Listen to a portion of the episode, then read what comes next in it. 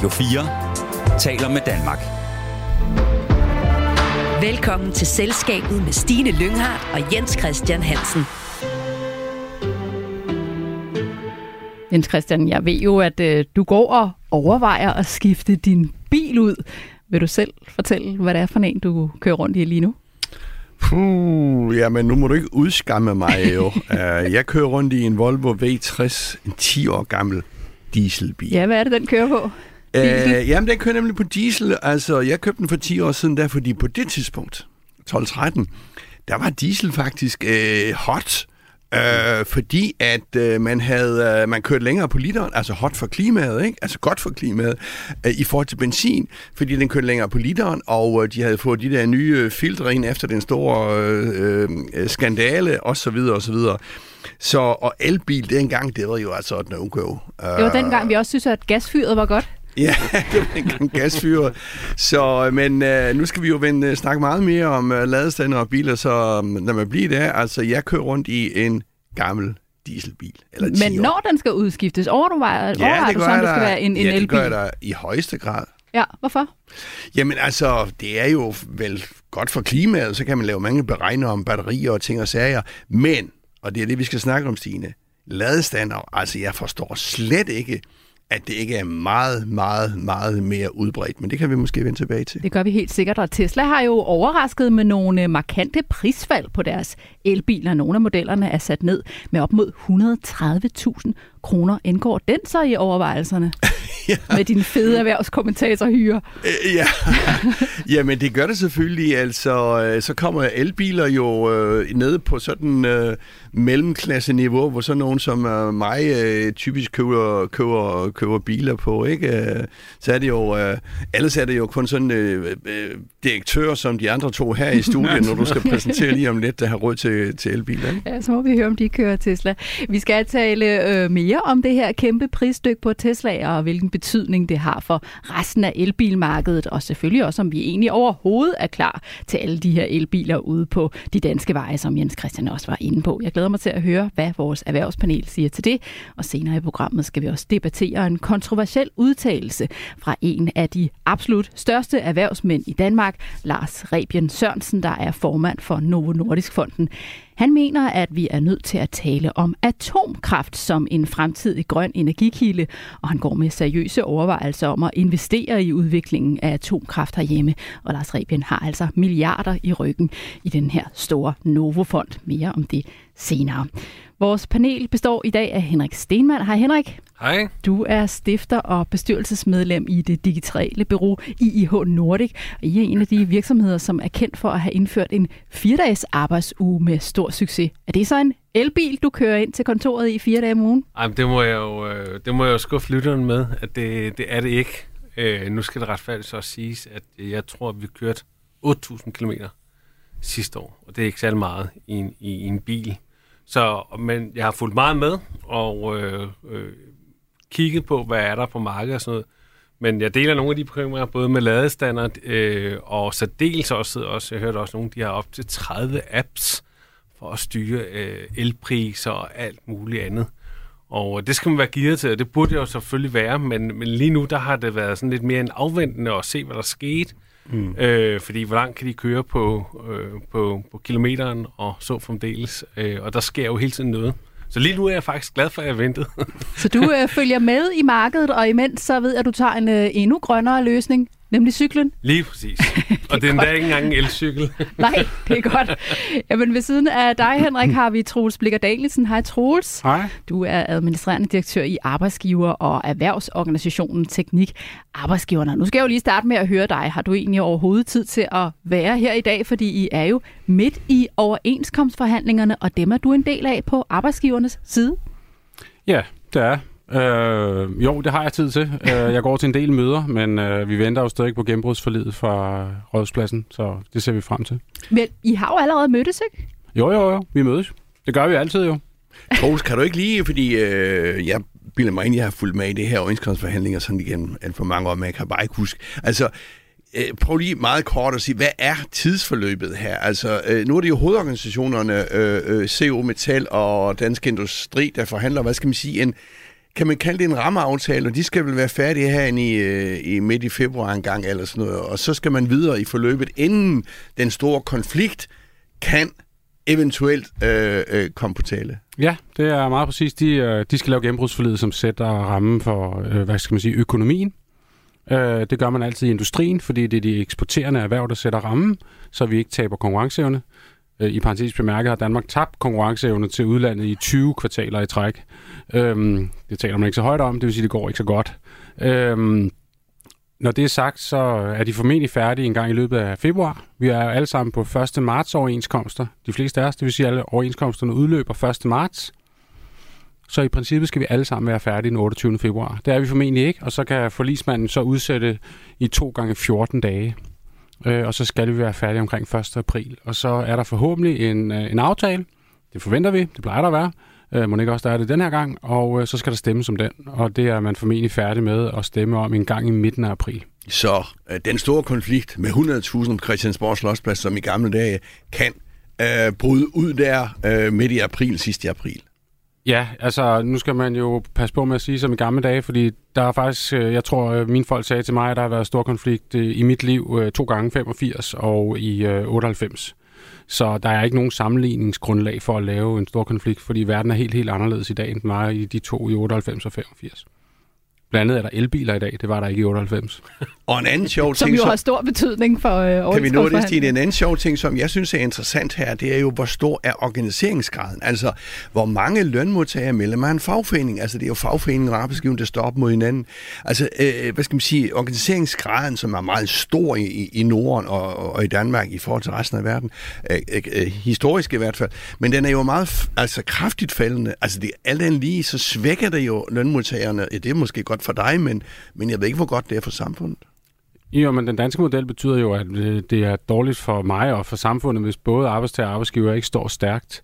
Øh, så jo, det er selvfølgelig også en udfordring for os. FO's egne tal er jo, at øh, øh, på det private arbejdsmarked er organiseringsgraden omkring 55 procent.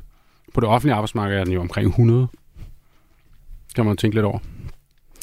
Jamen, øh, god fornøjelse med øh, forhandlingerne, som jeg jo så kan forstå for alvor først går i gang, når de store linjer ligesom er lagt. Øh, dejligt at have jer begge to her i studiet i dag. Velkommen til Selskabet.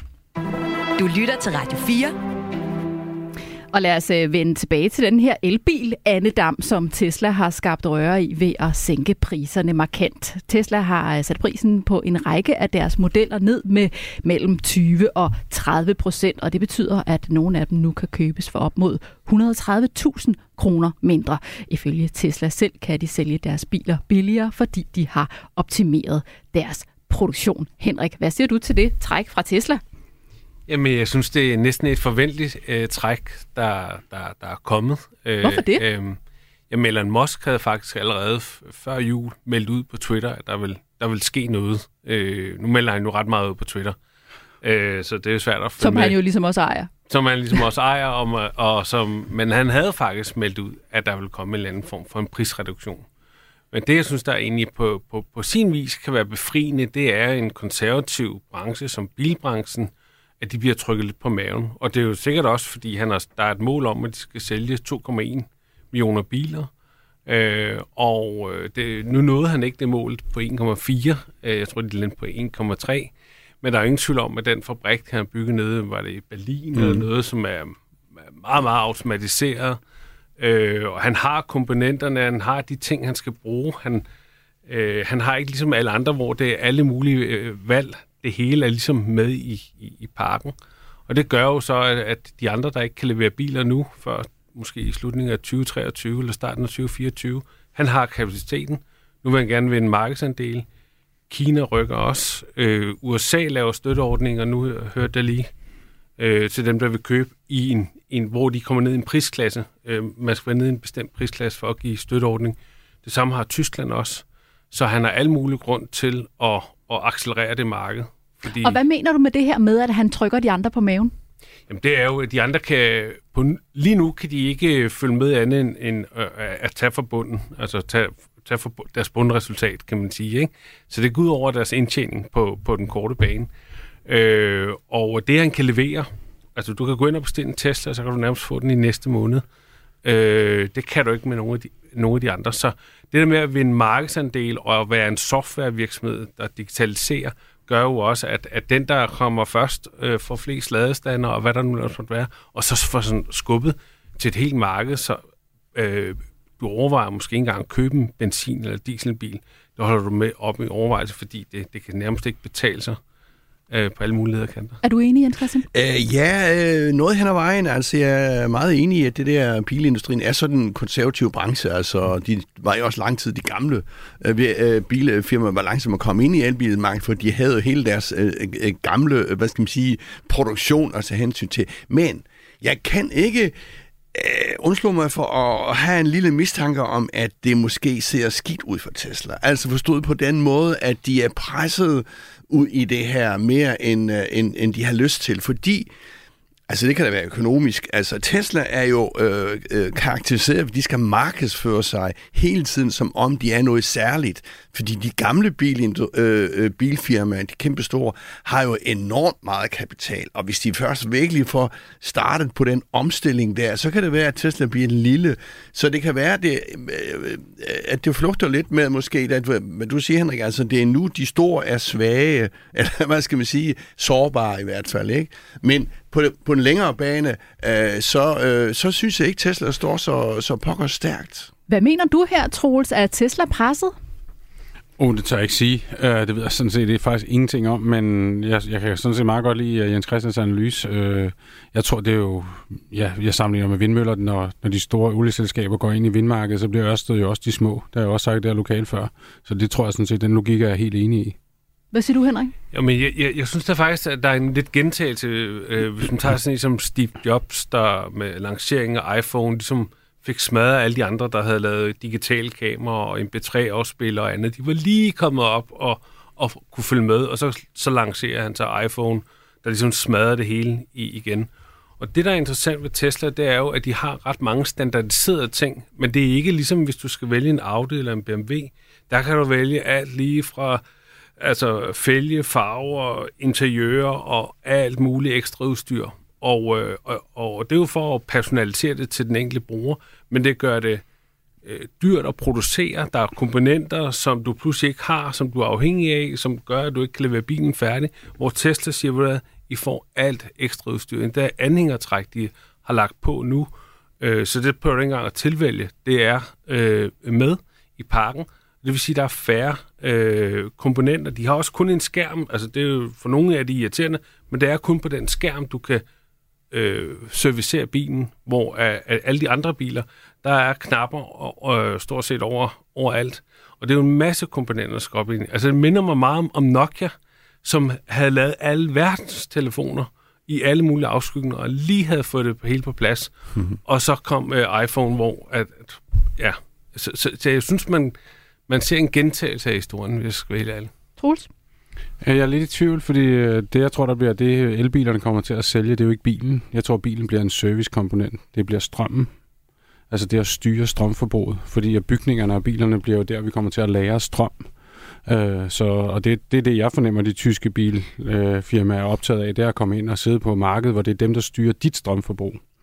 Øh, og det er der deres, øh, hvad hedder det, Jamen, value altså, skal proposition det, ligger. Skal det forstå sådan, at den bil, der har mindst strømforbrug, jeg, jeg tror ikke helt, forstår. Nej, når, altså, når du kommer hjem med din bil, typisk så en, en dansk elbil har altid, når den bliver parkeret, eller en europæisk elbil, når den bliver parkeret i, i garagen, så har den jo typisk altid minimum 20% tilbage på batteriet. Hvis det så ikke er dig, der bestemmer, hvornår den bliver lavet op, men det er øh, bilfirmaet, så du har bare bilen som en service, ligesom Volt, basically, så er det dem, der ejer dit elforbrug. Så det vil sige, det er dem, der får kappen på at lade din bil op, når det er billigst, og så betaler du et abonnement. Og det, øh, det, okay. det, det er jo en forretningsmodel, vi ja, forventer. Altså, hvor de sætter ladestandarden op? Eller hvad? Ja, de sætter det hele op. Bilen ja. og ladestandarden, det hele, så ejer det dit elforbrug. Så det er dem, der bestemmer, hvornår du bruger el hjemme hos dig. Enten, enten fra energifirmaet eller fra din bil. Spændende. Ja, men altså, jo, men altså, det, det er også fordi, det går så stærkt, og de må jo have nogle visioner de næste to-tre år frem i tiden, hvad, hvordan de skal uh, udkonkurrere uh, det, ja, det, de det, hedder, det, hedder, det hedder VTG-lader, altså øh, Vehicle to Grid. I dag så de fleste lader, det er, det er, det er Grid to Vehicle, altså hvor det er fra øh, systemet ind i bilen. Nu, kan du, nu får laderne kommer ned i en prisniveau, hvor du kan sende strøm fra bilen ind i huset, og de lader kommer ned i prisniveau sådan, så det bliver dem, der bliver standard fremadrettet. Og det betyder, at det at styre strømmen og eje strømmen, ligesom der er nogen, der ejer, altså de tjener jo også penge på at sælge os de der pakker på mobiltelefoni, ikke? Og så bruger man jo aldrig i nærheden af det, man har brugt. Jeg forestiller mig lidt, der er potentielt samme muligheder i energimarkedet på biler, og det tror jeg, det er det, de tyske virksomheder kigger ind i. Jeg tror, jeg vil gøre ligesom Henrik. Altså, jeg vil lige se tiden an lidt, fordi Ja, ja. det ser ud til Du at holder, komme en lige, helt øh, ny. du holder fast i dieselbilen lidt endnu. Jeg holder Volvoen lidt endnu.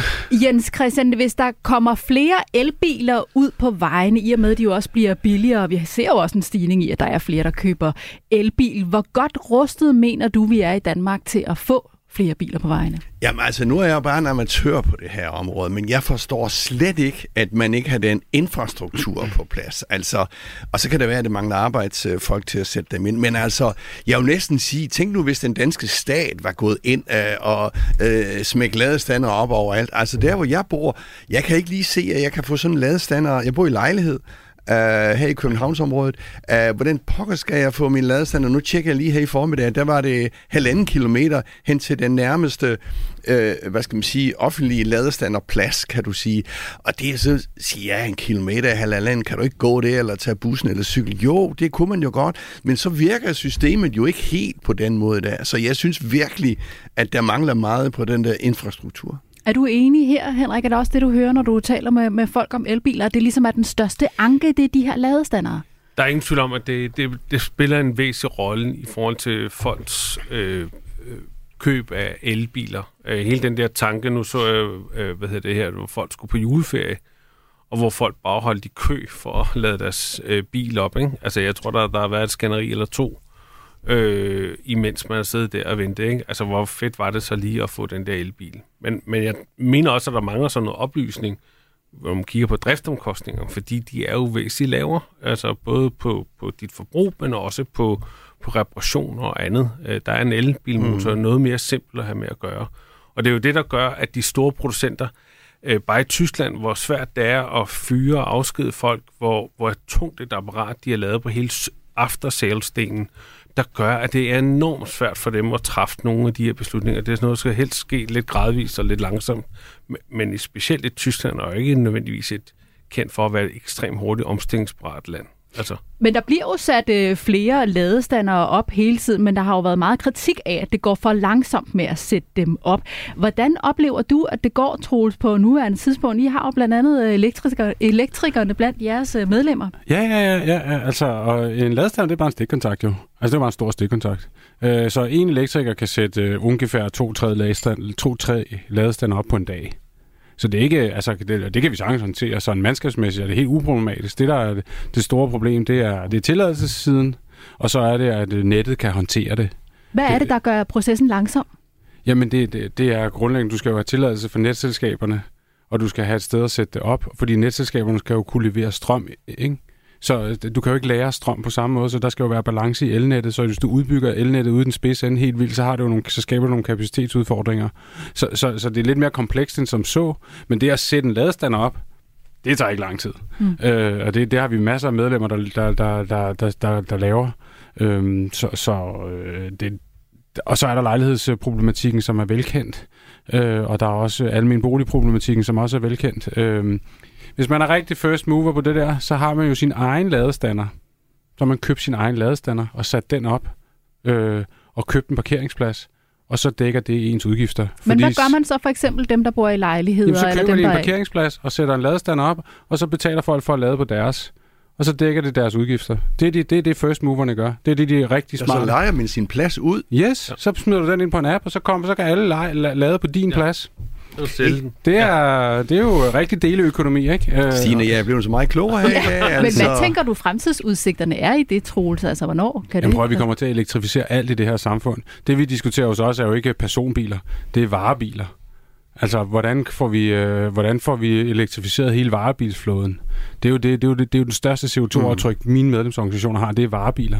Øh, når jeg taler med mine medlemmer, så siger jeg, at deres største ledelsesmæssige udfordring de kommende fem år, så vi snakker overenskomster, det er biler. Mm. Det er, hvordan får de konverteret over til at køre i elbiler.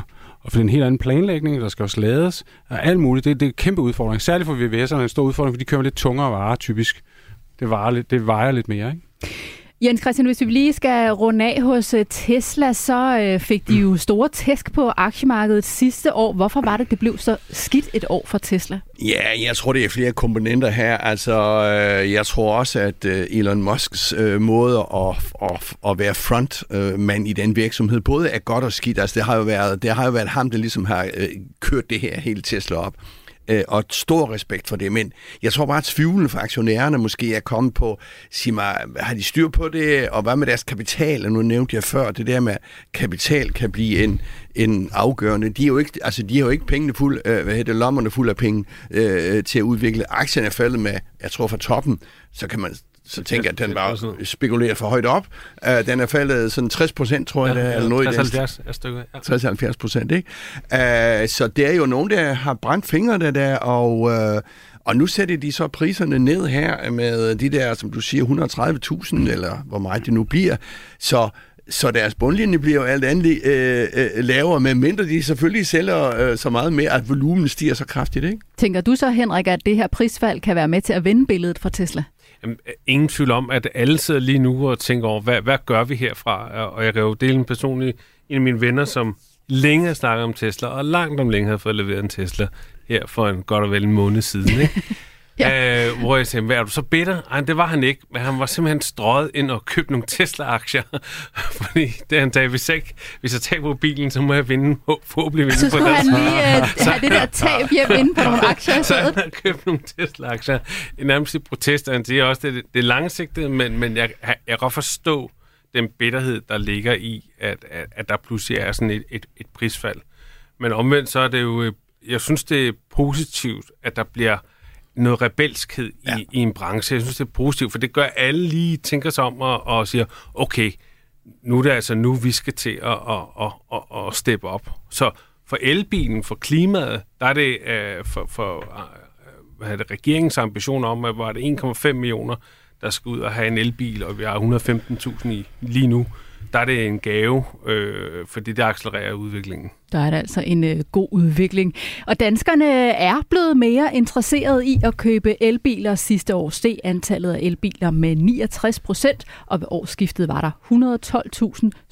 112.700 elbiler i Danmark, viser tal fra Danmarks Statistik. Du lytter til Selskabet på Radio 4. Ja, det er her, vi øh, stiller skarp på ugens store erhvervsnyheder sammen med vores gæster, som selv kommer fra erhvervslivet eller følger det tæt. Dagens erhvervspanel består i dag af Henrik Stenmann, som er stifter og bestyrelsesmedlem i det digitale bureau IIH Nordic, og Troels Blikker Danielsen, der er administrerende direktør i Arbejdsgiver- og Erhvervsorganisationen Teknik Arbejdsgiverne. Og selskabets faste erhvervskommentator Jens Christian Hansen sidder også i panelet. Nå, I tre, vi skal have en quiz. Vi skal jo lige teste, hvor godt I egentlig har fulgt med i erhvervsnyhederne. Vi spiller som altid gæsterne mod erhvervskommentatoren, så Henrik og Troels er på hold med hinanden og spiller mod Jens Christian, og stillingen er lige nu 2-1 til gæsterne. I dagens quiz skal I gætte historien bag citatet. Jeg læser om lidt et citat højt, hvor jeg har fjernet et ord og erstattet det med et beep. I skal gætte, hvad det er for et ord, der mangler, og når I har gættet ordet, så skal I også fortælle mig, hvad det er, historien handler om. Altså først det manglende ord, og så skal I forklare mig, hvad det er for en historie. Og det er hurtigt på aftrækkeren, så det er op med lappen, lige så snart I har et bud. Har I forstået reglerne? Jeg håber ikke, det er for kompliceret. Godt, nu skal lige høre citatet. Det lyder sådan her. Vi forventer, at der på tværs af beep vil blive skåret endnu 5-10% af arbejdsstyrken, eftersom mange af disse selskaber har brugt penge, som om de var rockstjerner fra 1980'erne. Det var citatet. Men hvad er det for et ord, der mangler? Og hvad er det, historien handler om? Hvem er det, der har brugt penge, som om de var rockstjerner fra 80'erne? Du må godt række hånden op og komme med et bud og tale med, med Troels. Jeg kan jeg ikke rigtig høre den, når I visker. Ja. Prøv at tale ind i mikrofonen, og lad mig ja. høre dine overvejelser, Henrik. Vi siger det tekstselskaberne. Ja, hvorfor er det lige præcis den, du kommer til at tænke på? Fordi de har, de har levet af øh, nærmest lidt af gratis penge, og øh, det handler om at, at vækste og køre ud af, og, og, og det kunne ikke øh, gå hurtigt nok, og, og nu er der ligesom kommet en mere fokus på, at der skal skabes øh, bundlinje, øh, og det vil sige, at der er nogle selskaber, der lige nu mærker øh, at øh, kapital er, koster penge i dag. Så, så det er rockstjernerne. Det er vores bud. Er du enig her, Troels? Jeg er helt enig. Du er helt enig. Hvad tænker du, Jens Christian? Uh, jeg har ikke sagt noget i lang tid, fordi uh, jeg er lidt blank. Altså, jeg vil sige, uh, Henriks uh, forklaring, den lød jo overbevisende, så, uh, men jeg er jo, uh, altså, jeg har ikke rigtig nogen andre bud, medmindre vi, uh, det er forkert, at vi får nogle nye ledetråde. Okay, så du er lige afventende her. Prøv at høre, det er det rigtige ord. Det var ikke det, det helt præcise ord, men jeg køber den. Det manglende ord var teknologisektoren. Så citatet kom til at lyde Tech, sådan her. det er jo bare Lige præcis. Ja, ja, ja. Det er fordi, du har de fine ord hos dig. Vi, det lyder sådan her citatet. Vi forventer, at der på tværs af teknologisektoren vil blive skåret endnu 5-10 procent af arbejdsstyrken, eftersom mange af disse selskaber har brugt penge, som om de var rockstjerner fra 1980'erne.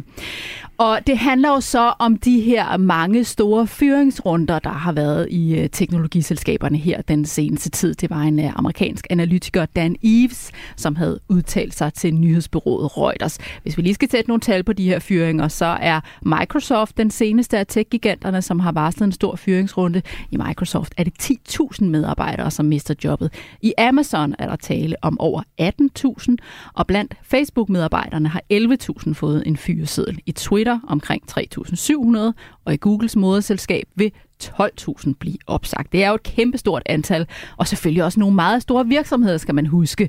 Men hvordan oplever du, Jens Christian, det der sker i tech-giganterne lige nu?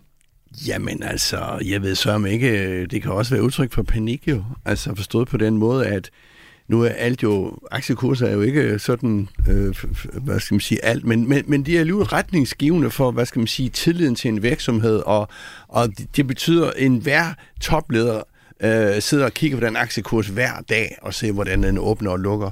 Uh, så jeg tænker på, at uh, så ved jeg ikke, om de har haft et for stort, for stort forbrug. Altså man kan jo, Altså hvis man pludselig kan undvære, hvad det er Amazon, 18.000, og jeg ved godt, de er øh, ret mange mennesker i Amazon, men er det så servicen, der går, øh, der går, der går tabt, eller, eller hvad går tabt? Altså vi så jo også i Twitter, der øh, før nævnte herr Musk kom ind i Twitter, han fyrede jeg kan ikke huske, om det var en tredjedel eller et eller andet, men, men øh, og hele ledelsen og sådan noget. Og, jamen, betyder det ikke noget, så synes jeg da godt nok, det er mærkeligt. Det, jeg har svært ved at forstå det der. Men, men Troels, de kommer vel også fra et udgangspunkt, altså vi har haft de her år med coronapandemien, hvor de jo er, at mange af de her firmaer jo er vokset rigtig meget, så er det i virkeligheden et udtryk for, at de vender tilbage til lidt mere normale situationer, eller hvordan ser du det?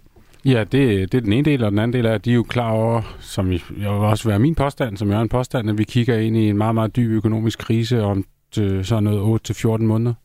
Øh, der, har jo, der er jo folk, der sammenligner den, den, den tid, vi befinder os i nu med sommeren 2007. Altså, hvor vi tænker alle sammen, nej, det kom, vi kommer ud af det, det bliver en blød landing, og så siger det bare smask, og så rammer vi en kæmpe hård recession, som kommer til at sende fyringer hele vejen ned igennem øh, værdikæden øh, om 8-14 måneder. Det, det vil også være, det er mit eget synspunkt, det er der, jeg mener, vi er på vej hen. Og Henrik, du var lidt inde på det før. Altså, hvad, hvad skal man lægge i det her med, at de har brugt penge, som om de var rockstjerner fra 1980'erne? Hvordan forstår du det? Jamen, jeg forstår det på den måde, at det, altså, hele tech-branchen har jo egentlig bare været en opadgående kurve. Selvfølgelig lige afbrudt af lidt .com, og der er lidt finanskrise og så fremdeles. Men øh, det, der måske er tiden nu, det er at få skåret lidt ind. Hvad var det for nogle projekter og, og ting, som vi lige øh, sætter på, på hold? Øh, og jeg tror egentlig, det er en sund øvelse. Øh, også fordi, at øh, lønninger og alt muligt andet, det er gået totalt amok over i Silicon Valley på, på en måde, hvor at, at, at, at den enkelte specialist også kunne opføre sig lidt som en rockstar. Så jeg tror, det egentlig er, er, er sundt, og, og det, det er ikke svært at tiltrække og, og skære og, og opgradere igen. Øh, så jeg tror egentlig, det er også at benytte lejligheden til at sige, okay, hvad, øh, hvad, hvad er overskudsgivende her, og hvad skal sættes på hold? Og det tror jeg egentlig for enhver virksomhed, det er sundt. Det blev altså gæsterne, som løb med sejren i dagens quiz, så stillingen nu er 3-1 til gæsterne. Radio 4 taler med Danmark. Du lytter til Selskabet med Stine Lynghardt og Jens Christian Hansen. Henrik Stenmann, Troels Blikker Danielsen, erhvervskommentator Jens Christian Hansen. Nu skal det handle om atomkraft. Det er en energikilde, som i den grad deler vandene og vækker stærke følelser hos mange. Men vi er nødt til at tage debatten, mener Lars Rebjørn Sørensen, som er formand for en af landets største pengetanke, Novo Nordisk Fonden. Han siger til Finans, at vi skal droppe tabuet og gøre Danmark til en verdensførende nation inden for udvikling af atomkraft som fremtidens grønne energikilde. Og han går med seriøse overvejelser om at investere i teknologien og forskning i atomkraft. Jens Christian, hvad siger du til den udmelding fra Lars Rebien? Jamen, øh, det er jo ikke første gang, han kommer med sådan nogle, øh, hvad skal man sige, lidt anderledes udmeldinger. Han har jo en tyngde, øh, Lars Rebien, som måske vores interne- mest internationalt kendte kort overhovedet i erhvervslivet. Altså to gange blev han kort ikke bare en god leder, men verdens bedste leder af det der amerikanske øh, øh, øh elite-universitet Harvard. Jamen altså, øh, øh, jeg synes jo, det er, øh, øh, hvad skal man sige, det er godt, at øh, erhvervslivets top kommer ud og tør melde noget ud. Øh, og man kan jo sige, at atomkraft, jeg kan jo huske tilbage i 70'erne, jeg er også gået med på de der marscher, nej til atomkraft marscher, og øh, hvad skal Er det væk? rigtigt? Har du været med ude på dem? Ja, ja, ja, ja. Hvad skal væk? Bare mig, væk. åbenbart. Og de Du har også voksne, været med, Troels. Ja, ja. de barn, voksne ja. kan også være bange, og så videre, og så videre. Så der er jo mange stærke følelser, og det kan vi måske vende tilbage til, omkring atomkraft, men måske lidt mindre øh, teknologisk viden om, hvad det så konkret er. Uh, og vi kan også lige vende tilbage til, det er jo ikke sådan en firkantet kasse, han forestiller sig stillet op, uh, som Tjernobyl-værket uh, for nu at sætte alle, hvad skal man sige, uh, uh, sætte billeder på. Ja, for det er vel også hurtigt de billeder, man får i hovedet Jamen, af Det atomkraftværker, er jo ikke? et utrolig stærkt, øh, hvad skal man sige, et følelsesmæssigt, øh, hvad skal man sige, bremse det er. Hvis man siger atomkraft, nej, fordi så tænker man Tjernobyl og Fukushima, tror jeg det hedder, øh, i Japan, ikke? Altså, og noget, øh, noget, noget affald, vi ikke kan komme af med, og så videre. Så, det er et no-go for mange. Troels, du har altså også gået med i at sige nej til Barsebæk. Hvordan uh, har du det med atomkraft i dag? Ja, altså, som jeg også sagde, inden vi kom ind, uh, min far har skrevet doktorafhandling om, hvorfor vi ikke har atomkraft i Danmark, så jeg ved jo en hel del om det fra sådan privatsfæren. Uh, jeg vil bare sige det på den måde, jeg kunne også rigtig godt tænke mig, at Kylian Mbappé han spillede på det danske fodboldlandshold, og det er lige så realistisk Altså som... den franske stjerne. Ja, det er lige så realistisk som, at vi får atomkraft i Danmark. Jeg tjekker lige tallene. Øh, Vi har 3% i 2021 øh, af atomkraft i vores energimix. Og den gamle sandhed om, vi har atomkraft i Danmark, det værkerne ligger bare i Sverige. Det er jo ikke ændret sig. Øh, Så... Hvorfor mener du, det er så usandsynligt? Jamen, øh, vi kan jo starte med at sige, at der er en folketingsbeslutning fra 1986, der vil skulle laves om. Det er, det er, nu, det er punkt 1. Øh, der har man vedtaget, at vi ikke vil have atomkraft på dansk jord. Punkt 2 er, hvor skal det ligge henne? Det skal man så blive enige om. Man kan ikke engang blive enige om det affald, der er for Risø, fra, et forsøgs, fra en forsøgsreaktor, at, om det kunne ligge andre steder end på Risø. Så det ligger stadigvæk på Risø. Der, regeringen foreslog, at det skulle ligge fem, der var jo fem forskellige steder i spil, og det, det bedste sted fra sådan et øh, geologisk synspunkt, som vidt jeg kan huske den der gamle rapport fra Statens Serum Institut, så var det, øh, eller Statens Stråleinstitut, så var det over på Bornholm. Ikke? Og den tredje ting er jo så, øh, øh, hvordan vil du kommunikere til øh, generationer 100.000 ud, år ude i fremtiden om, at det affald, vi har gravet ned, det er farligt? Mm. Hvad er det for et sprog, du vil kommunikere på? Altså, det er jo, det er jo de tre sådan klassiske udfordringer, vi har i Danmark. Øh, og vi kommer jo aldrig forbi punkt to, altså placering. Det bliver vi jo aldrig enige om. Men vi skal jo bare glæde os over, at vi har masser af atomkraft i Europa. Det er jo fordi, at hvis man ser på det på den måde, som Lars Rebien ser på det, så glemmer man, at vi lever i Europa. Vi har et indre marked for energi, som fylder 20 år i dag. Eller i år. Du skal nok få ordet lige om lidt, Jens Og Christian. det Vi skal betyder bare... jo, at vi har masser af atomkraft i Europa, og vi kan ikke leve i Europa uden atomkraft. Værkerne står bare ikke i Danmark.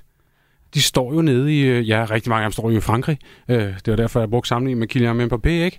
Øh, Og det er jo den ene ting, og den anden ting, så står der rigtig mange værker i Sverige, og jeg vil da også være imod, at de åbner i Barsebæk igen. Det er der kæmpe modstander af, når du kan ikke ligge et atomkraftværk så, så tæt på en øh, stor millionby. Det var jo også en af grunden til, at Barsebæk blev lukket.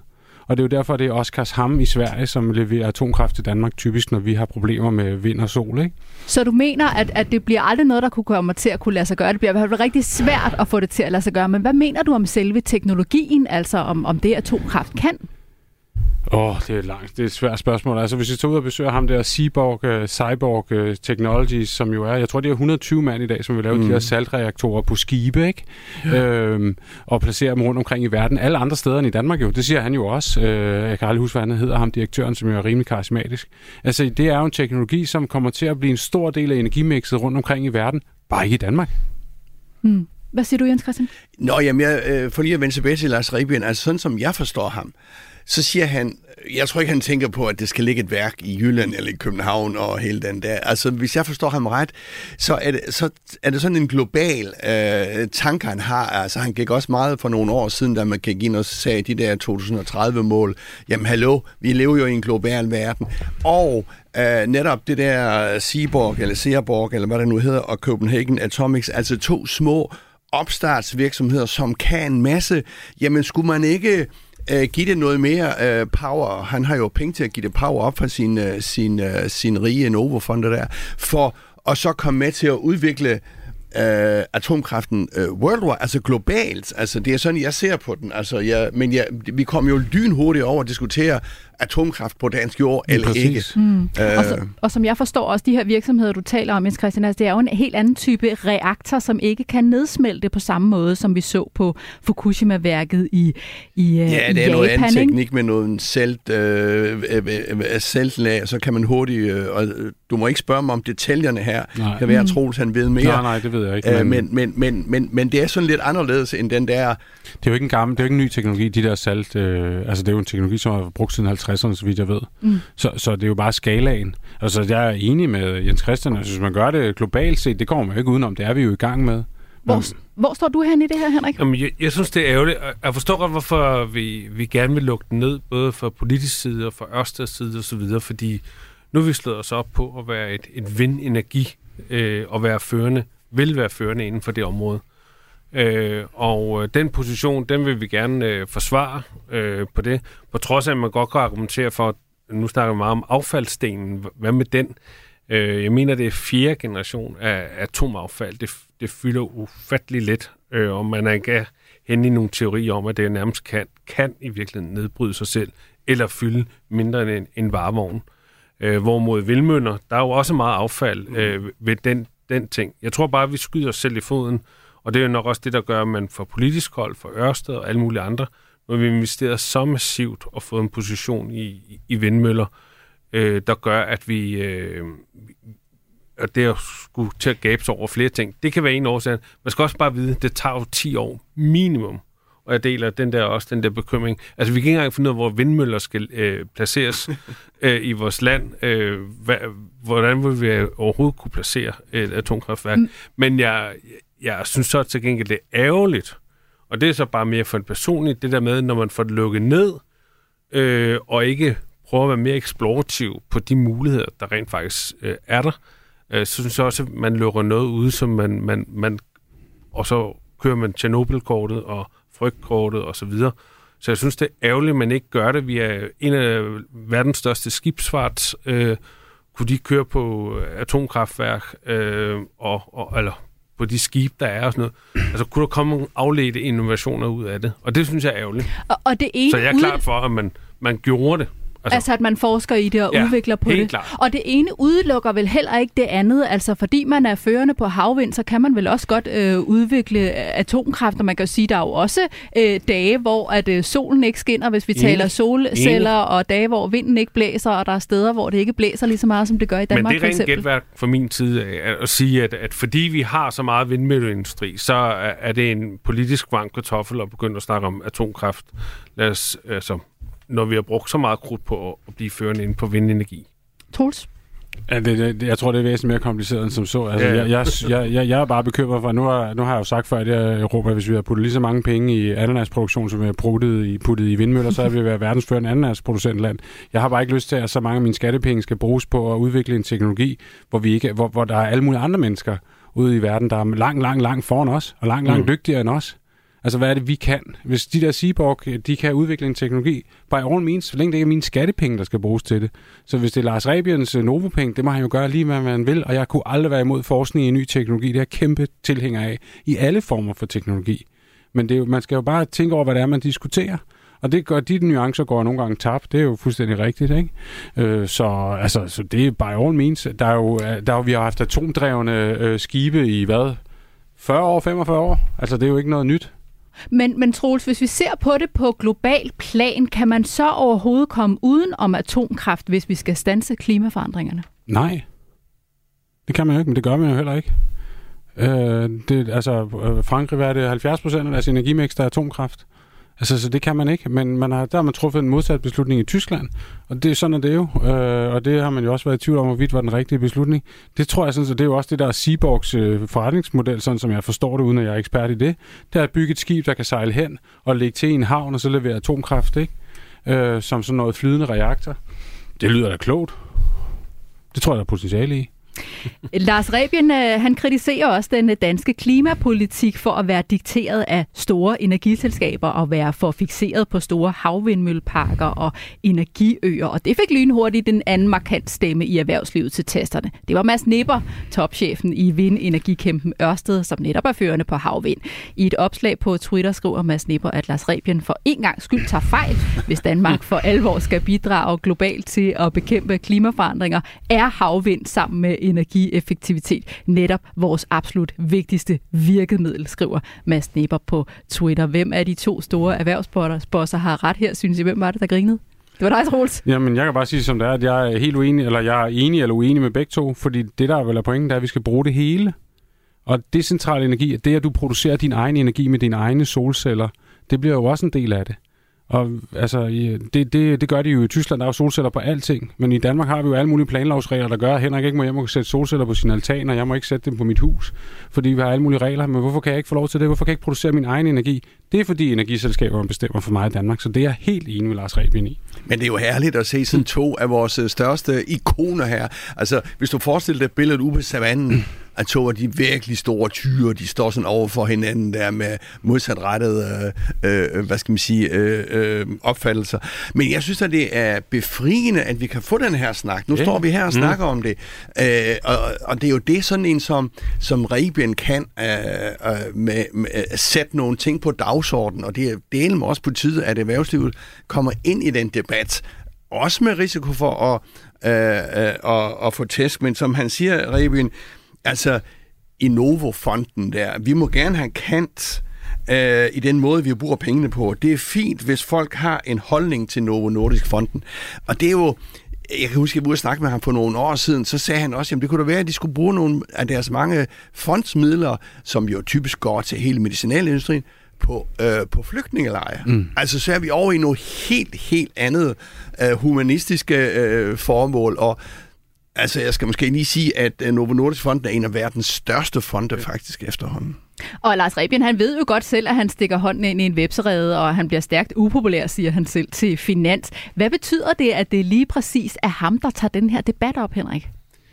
Jamen, øh, det er jo det, der bliver, øh, som, øh, som Jens Christian også siger, der bliver lyttet nu. Øh, på, i, øh, og, og det er jo ikke bare sådan tomme ting, fordi der er nogle milliarder i, i ryggen. Øh, Øh, men jeg tror også, det er sundt igen det der med, at vi ikke får lukket debatterne for hurtigt ned. Øh, det er jo det emne, som der blev lukket ned med, I er jo begge, de, de her her, jeg står sammen med at være med i Mars og, og mod atomkraft. Men øh, hvis du kigger på den øh, unge generation øh, nu her, eller i hvert fald fornemmer, så er de øh, åbne for at, at, at, egentlig at få interesseret sig mere for den her øh, teknologi. Øh, også fordi Tjernobyl var jo, altså, der, der var alle mulige omkringliggende ting, som der gjorde det gik galt. Men lad os nu prøve at kigge ind. Altså, der er jo atomkraft, der har været i mange år. Øh, og hvad kunne der være muligheder? Så er jeg med på placering og alt muligt andet, men jeg synes ikke, vi skal lukke den ned. Men hvad kan vi bruge den her forskning til og investeringen i det, hvis det alligevel ikke er noget, vi vil have her i Danmark? Er det ikke engang på jord har her?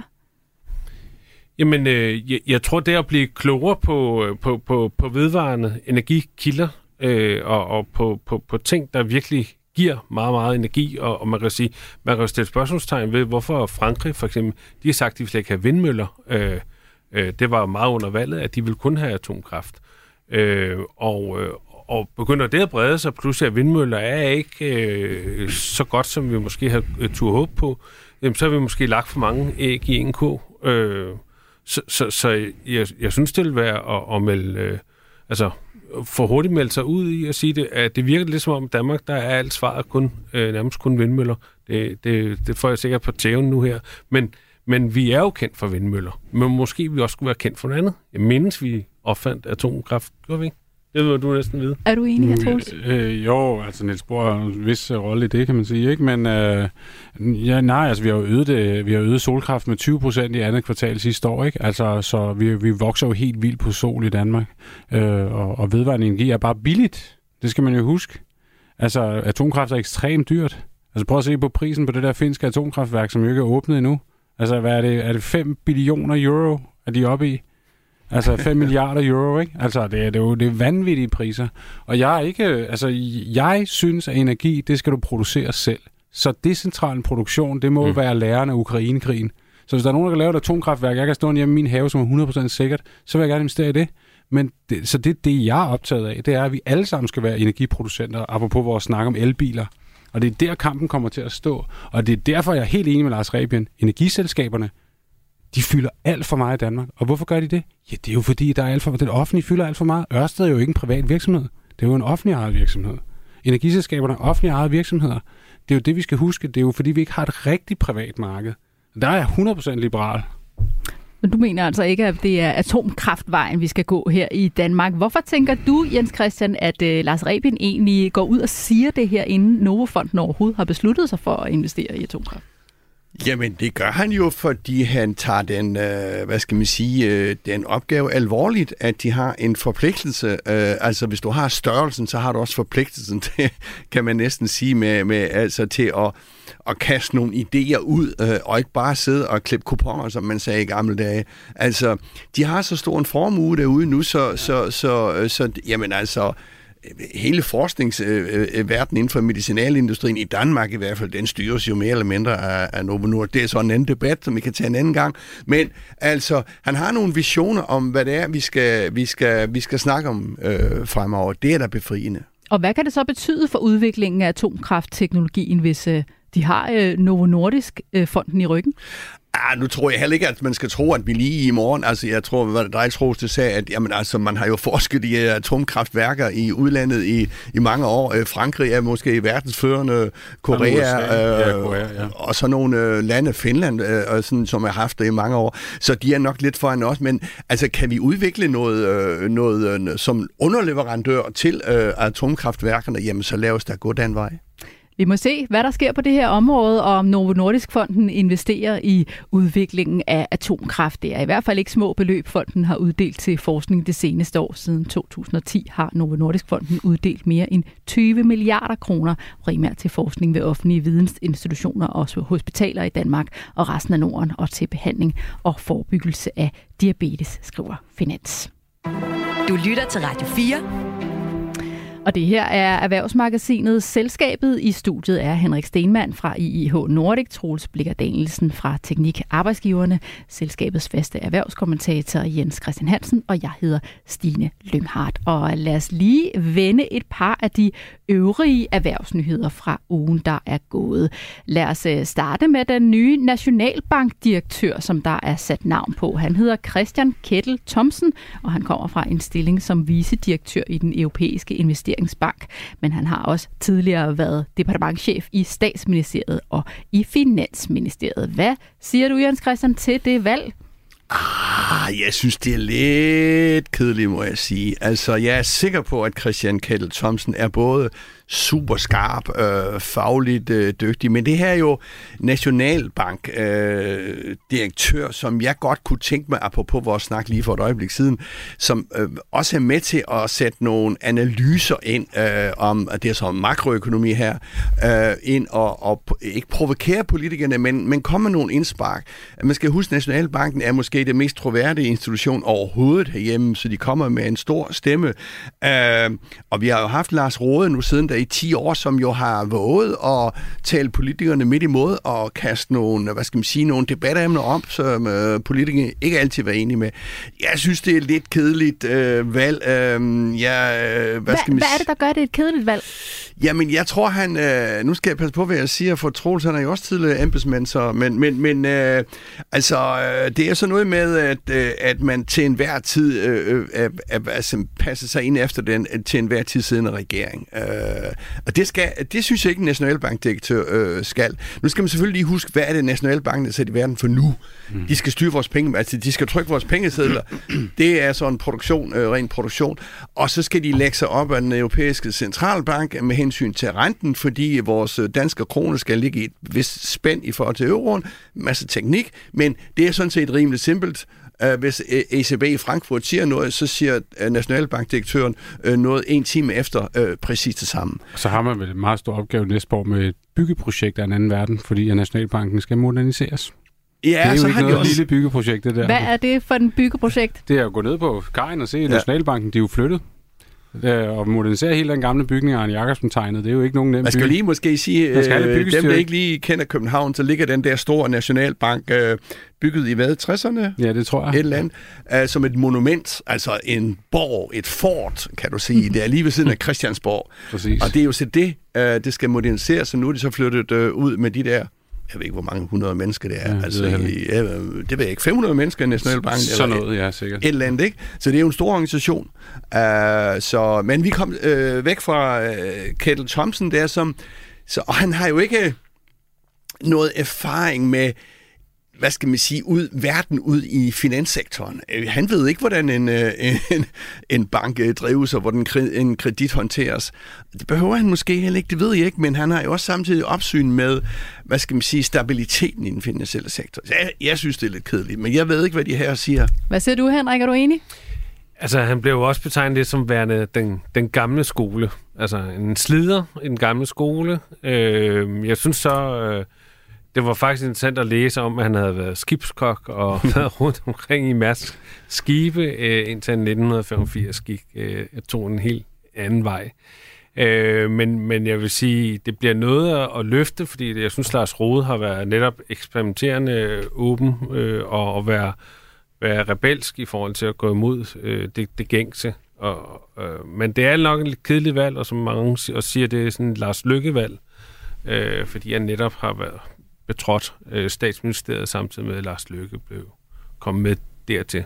Men, øh, men jeg kender ham selvfølgelig ikke personligt, så... Altså, hvem- er det så, I havde set skulle vælges, hvis det ikke skulle være ham? Nu siger I begge to, lidt jamen, man kunne jo øh, måske vælge sine, sine Koldstrup, tror hun hedder. Koldstrup. Som kom fra Øh, Nationalbanken. Ja, hun sidder i. Nationalbanken, har været vice, vice, vicedirektør, eller hvad hedder det? Jeg tror også, hun er nationalbankdirektør, ikke? Ja, hun er også... Det hedder de vist alle sammen. Ja, så øh, altså, hun sad nu som nummer to, øh, så man kan jo sige, øh, øh, eller vælge en øh, ud fra, øh, hvad skal man sige, øh, ud fra det erhvervsliv, som også øh, Lars Råd kom fra. Hvorfor havde det været et mere spændende valg, om man Ja, men sige? det ved jeg ikke spændende og spændende, så har han måske øh, fagnet bredere, og så kan man så sige, manglede, manglede han eller hun så den, den, øh, den, øh, den øh, teoretiske ballast, øh, kan du sige, og den der politiske følsomhed, men jeg ved ikke rigtigt, hvad det er for politisk følsomhed, der skal til. Altså, jeg kan dele en sjov historie med Lars Rode, fordi da vi var gået over til fire dages arbejdsuge, der havde de sommergruppemøde med Nationalbankdirektøren, sådan helt lille intimt, og sagde, kan du ikke lige komme op og fortælle, øh, hvad du har gang i? Og, øh, og, og, og han var simpelthen nysgerrig på, øh, hvad, hvad, hvad det her det ville komme til at betyde, og, og så videre. Og ved siden af mig, der, der, der stod så øh, direktøren for det gamle BF, øh, Kredit, også og skulle fortælle om, hvad, Øh, og det var i forbindelse med Jyske Bank. Så det var egentlig ret, altså på den måde nysgerrighed. Det ved jeg ikke, om, øh, om vi ser den samme nysgerrighed på den måde. Hvad siger du, Troels? Jeg siger bare, at man skal ikke undervurdere Christian Kettel. Jeg synes, det er et kongen godt valg. han bliver Danmark meget, meget glad for. Han varetager Danmarks interesser. Det gjorde han også under finanskrisen, hvor han jo var departementchef i statsministeriet. Jeg tror ikke, du får et bedre valg end, end Kettel. Og for os, der arbejder syv dage om ugen, så er det jo spændende at høre om det der fire dages arbejdsuge. Det kan jo gøre en anden dag. Den tror du ikke rigtig på, var Troels. Men øh, nu siger du så, Troels, det her med, at, øh, at hans øh, vigtigste opgave, og en af dem i hvert fald, bliver det her med modernisering, men han har vel også øh, andre opgaver, han skal kaste over. Hvad tænker du sådan bliver hans vigtigste opgave den kommende tid? Det bliver at få styr på inflationen. Jeg tror, han får en kæmpe opgave om 8-14 måneder, når Danmark rammer en stor recession, og der kommer gigantiske fyringsrunder øh, i Danmark, og økonomien kommer til at gå ned ad bakke. Så Men hvad er det for nogle håndtag, han har til det? Han har jo ikke nogen. Nej, hvad hvis kronen kommer under pres? Der bliver spekuleret mod kronen. Der kan jo ske alt muligt. Vi kan jo ikke forudse i fremtiden. Vi har vel kun lært én ting i de sidste øh, seks år, det er, at det er fuldstændig uforudsigeligt, det vi kigger ind i. Er du enig her, Christian? Ja, det, det er der sådan set. Altså, det er også godt med den der faste hånd på rettet. Jeg kan godt huske, jeg kan huske finanskrisen også, hvor vi sad og skrev som journalister, og det hele kogte over i uh, hos, uh, hos øh, Lene Espersen der og, og Lars Lykke, ikke? Christian Kettel Thomsen tiltræder sin nye stilling i Nationalbanken den 1. februar, og her aflyser han altså Lars Rode, der går på pension efter 10 år på posten. Vi er nået til vejs ende i selskabet i dag. Tak til vores gæster Henrik Stenmann, stifter og bestyrelsesmedlem i det digitale brug IH Nordic, og Troels Blikker Danielsen, administrerende direktør i Teknik Arbejdsgiverne, og selvfølgelig også til dig, Jens Christian. Vi ses igen på næste onsdag. Programmet var produceret af Beam Audio Agency for Radio 4. Bliv endelig hængende her på kanalen, hvor der er masser af god radio på vej i din retning. Tak fordi du lyttede med. Radio 4 taler med Danmark.